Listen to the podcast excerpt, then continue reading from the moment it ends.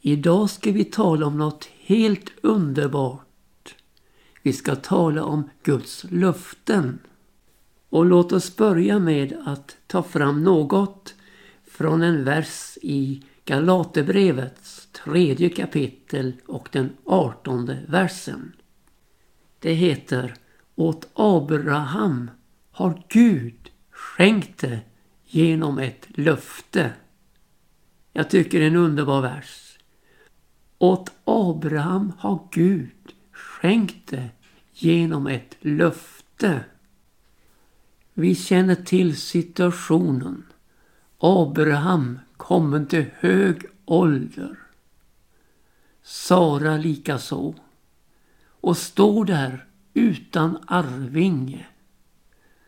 Och man märker hur hopplösheten tar sitt grepp om den gamle mannen.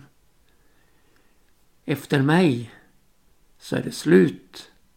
Efter mig försvinner alltihop. Allt är borta.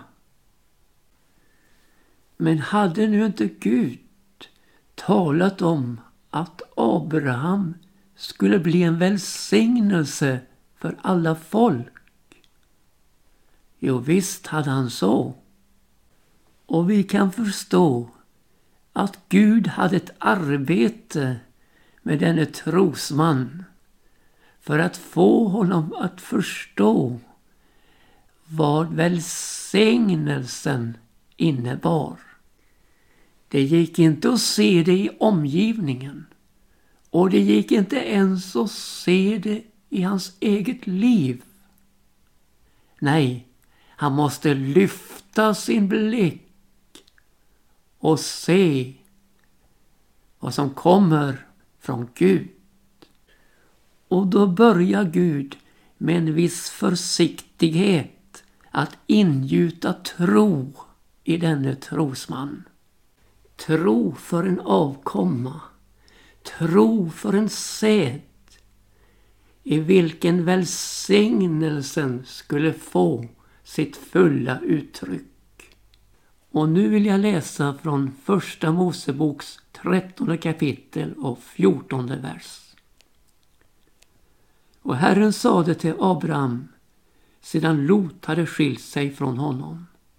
Lyft upp dina ögon och se från en plats där du står mot norr och söder och öster och väster. Ty hela det land som du nu ser ska giva åt dig och åt din säd för evärdig tid. Och så fortsätter han. Och jag ska låta din säd bli så som stoftet på jorden. Kan någon räkna stoftet på jorden, då skall och din säd kunna räknas. Stå upp och drag genom landet efter dess längd och dess bredd. Till åt dig ska giva det. Jo, Gud talar om stoftkornen. Om någon kan räkna stoftet på jorden så ska också din säd kunna räknas. Och Abraham skulle få en jordisk avkomma, nämligen Israels folk, judarna. Men mitt i denna underbara framtoning av nätterna så kommer det in en strid. Abrahams brorson Lot som bodde i Sodom har blivit tillfångatagen och bortförd. Och det går bara inte för en trosmänniska att skaka av sig det här och säga det berör inte mig. Gud har ju gett mig löfte så varför skulle jag tänka på andra? Nej, han sänder sina mest välbetrodda män uppfödda i huset. Ja, 318 till antalet och lyckas befria Lot och alla dem som jämte honom blev bortförd i fångenskap. Och när han vänder tillbaka så möter han en konung, Melkisedek, som skulle förebilda ingen mindre än Jesus Kristus. Och när man uttyder hans namn så är han rättfärdighetens konung, ja fridens konung. Här utan släktledningar, utan början, utan slut och får en viss jämställning med Guds son Jesus Kristus i detta förebildande.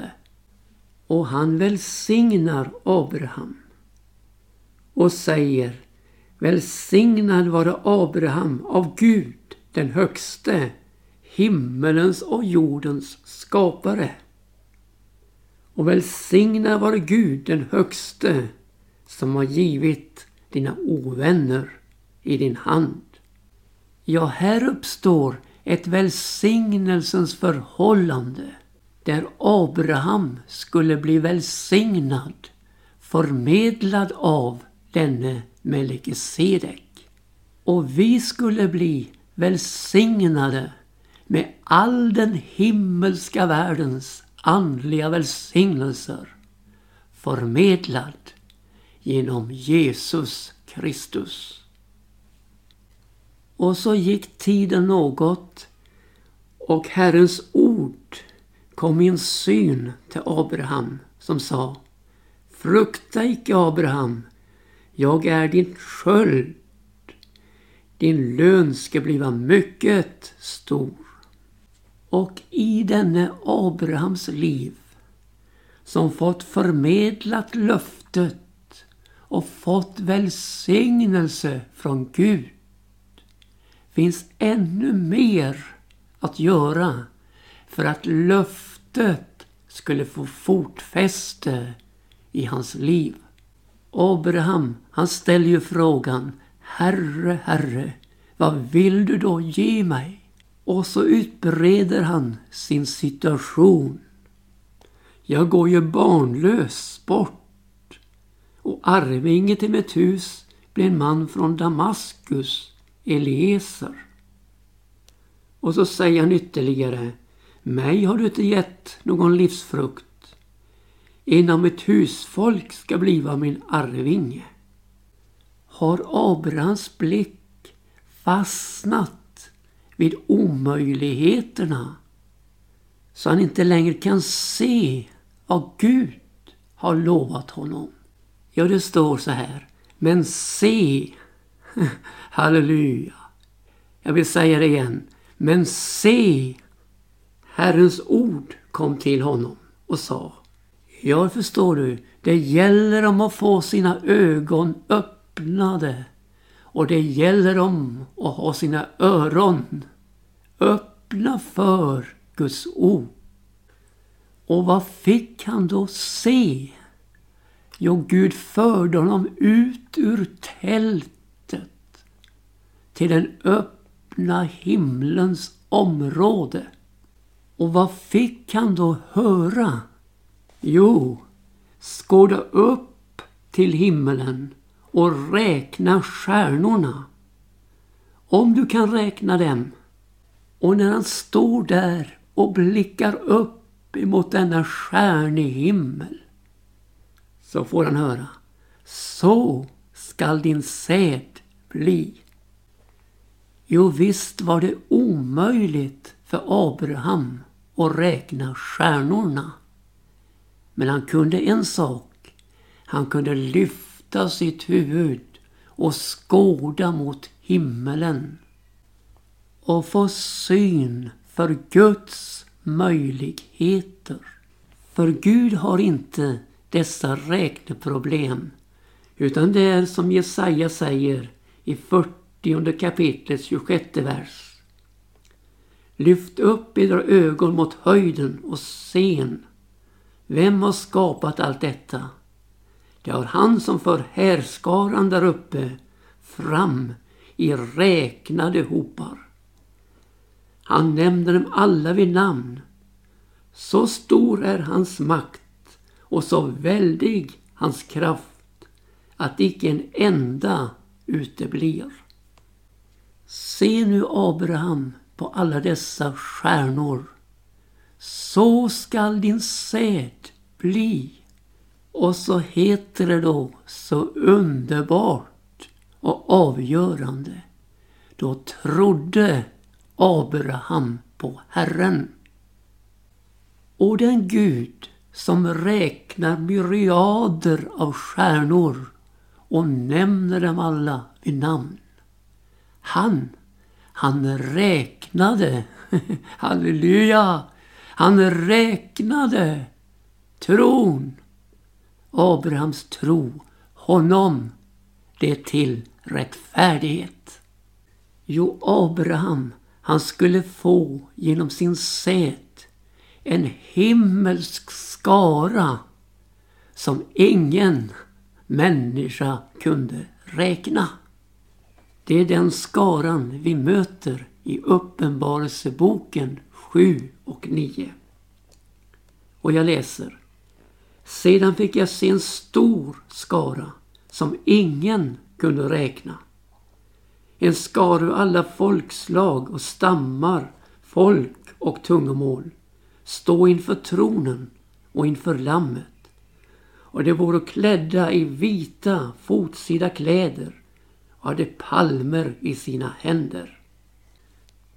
Och de ropade med hög röst och sa Frälsningen tillhör vår Gud, honom som sitter på tronen och lammet och alla änglar som står runt omkring tronen, omkring de äldste och de fyra väsena föll ned på sina ansikten inför tronen och tillbad och Gud och sa Amen. Lovet och priset och visheten och tacksägelsen och äran och makten och starkheten tillhör vår Gud i evigheternas evigheter. Amen. Tänk att denna oräkneliga skara som står där inför tronen, slutfrälsta. Åh, tänk att det låg där i löftet till Abraham. Det är svindlande. Ja, i sanning, Gud hade skänkt honom det genom ett löfte. Och märk väl, han hade ännu ingen son. Mänskligt sett såg allt lika omöjligt ut. Men det var det inte. Därför att det fanns ett löfte från Gud. Och det fanns en tro på detta löfte. Och nu är tron ingen statisk företeelse. En upplevelse en gång för alla. Utan tron, den har också med sig ett kampmoment. Att kämpa för den tro som en gång för alla blivit meddelad det heliga. Och för Abraham blev den kampen svår. För han såg ju, det händer ingenting. Sara, hon är ju fortfarande ofruktsam och har inte fött barn. Och så kommer hon till råga på allt med sin tjänstekvinna Hagar och lägger henne i Abrahams famn. Och så ser Ismael dagens ljus. Men så kommer en ny uppenbarelse i trosmannens liv från Herren som säger Jag är Gud, den allsmäktige. Vandra inför mig och var ostrafflig. Jag vill göra ett förbund med dig och jag vill föröka dig övermåttan. Och Abraham han faller ner på sitt ansikte och får höra ytterligare. Se det förbund som jag och min sida gör med dig, Abraham, är detta att du ska bli en fader till många folk. Och så möter oss förbundets ömsesidighet från båda håll från Guds sida och från vår sida. Och här ligger något av frälsningens grundförutsättning. Att Gud, han vill upprätta förbund med oss. Men vi av vår sida måste träda in i detta förbund och förbli i det. Och så tänker jag då på det nya förbundet med Jesus Kristus i hans blod. Det blod som renar från all synd. Det är skett, det är utgjutet, det är fullbordat. Men från vår sida måste vi träda in i denna frälsning genom omvändelse, sinnesändring, tro på Jesus och sedan förbli i detta förbund. Tänker du, det finns ett frälsningsverk, ett fullbordat frälsningsverk i Jesus Kristus som gäller alla människor. Och ändå går människor förlorade. Varför? Därför att de inte tar emot detta frälsningsverk genom tro på Jesus. Det är ju så att ett förbund måste ingås från båda sidor. Har förbundet mellan Gud och dig blivit upprättat? Eller lever du främmande för detta löftesförbund? Utan hopp och utan Gud i världen. Abraham, han fick ingå detta omskärelsens förbund med Gud. Som talar om ett tillhörsförhållande till Gud. Och vårt tillhörsförhållande till Gud genom Jesus Kristus ligger inte på köttets område utan på andens område. Omskärelsen är inte den som göres med händer på köttet utan omskärelsen för vår del är hjärtats omskärelse. Alltså en sinnesändring, en omvändelse, en tro på Jesus. Och vi får uppleva samma nåd som Abraham. Att tron räknas oss till rättfärdighet. Och här, här ställs en kraft till vårt förfogande som är helt underbar. Evangelium om Jesus Kristus. Guds kraft till frälsning för var och en som tror. Den kraft som för oss från mörker till ljus och som bryter syndens makt i våra liv. Ja, det är frälsning det gäller. Frälsningen i Jesus Kristus. Och när nu tron räknas oss till rättfärdighet så får vi del av den rättfärdighet som Jesus representerar. Och mer än så, den tillräknade rättfärdigheten blir den tillämpande rättfärdigheten. För det heter av tro till tro. Den rättfärdige skall leva av tro. Och så får vi då träda in i löftets förbund och uppleva att detta är vad han själv har lovat oss. Det eviga livet. Ja, det är oss skänkt genom ett löfte. Men det ska snart visa sig i uppståndelse förvandling och himmelsfärd. När Gud ger löftet till Abraham så talar han om stoftkornens mängd på jorden och stjärnornas antal på himmelen. Och säger då så klart och tydligt så skall din säd bliva. Och han talar om att jag ska föröka dig övermåttan. Ja, skaror ska komma av din säd. Oräkneliga skaror. Och detta medan han ännu inte hade någon son. Men i löftesordet och i löftena så låg ju sonen som det mest centrala.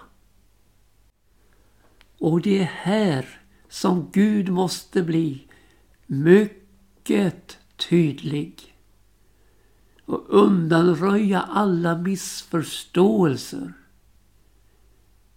Han säger, genom Isak är det som säd ska uppkallas efter dig. För utan Isak blir det ju ingenting. För här ligger ju själva startpunkten i Guds stora välsignelse till Abraham. Och vår startpunkt ligger naturligtvis i Jesus Kristus. Och inte nog med det, utan fulländningen ligger också i honom.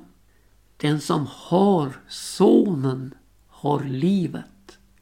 Den som icke har Guds son har inte livet. Därför blir det så underbart när han lägger in själva denna startpunkt in i löftenas underbara värld och säger Vid denna tid ska jag komma igen och då ska Sara ha en son. Och visst är det väl underbart att mitt i skarornas mångfald på löftesområdet så centreras löftet till en enda, till sonen. Och detta, det blev så oerhört klart i Galaterbrevets tredje kapitel och sextonde vers. Nu gåvos löftena åt Abraham, så och åt hans säd. Det heter inte och åt den som komma av din säd, så som när det talas om många, utan det heter så som det talas om en enda och åt din säd, vilken är Kristus. Och denna koncentrering och centrering till sonen är så oerhört viktig. För utan Jesus Kristus så blir det ingen frälsning. För utan Jesus så blir det inga himmelska härskaror. Men med honom, med Jesus Kristus, blir den himmelska härskaran fulltalig och inga platser i himmelen kommer att stå tomma. Utan här finns alla med i den oräkneliga skaran som har sina namn skrivna i Livets bok där i himmelen. Och medan nu denna skara rentfagna i Jesu blod fyller himmelen. Och så måste vi också framhålla detta allvarliga att om någon icke var skriven i Livets bok så blir han kastad i eldsjön. Därför gäller det om att vända om i tid. Och jag vill ta med något här från Jesajas 55 kapitel. Och jag läser. Söken Herren medan han låter sig finnas. Åkallen honom medan han är nära. Den ogudaktige övergiver sin väg och den orättfärdige sina tankar och vänder om till Herren så skall han förbarma sig över honom och till vår Gud ty han skall beskära mycken förlåtelse. Se mina tankar är icke edra tankar och edra vägar är icke mina vägar, säger Herren. Nej, så mycket som himmelen är högre än jorden, så mycket är mina vägar högre än edra vägar och mina tankar högre än edra tankar. Gud inbjuder dig till något som är större än jordens stoft. Något som är större än stjärnornas mängd. Han inbjuder dig till löftena han har gett i sitt ord. Sätt tro till dem och livet får den rätta inriktningen.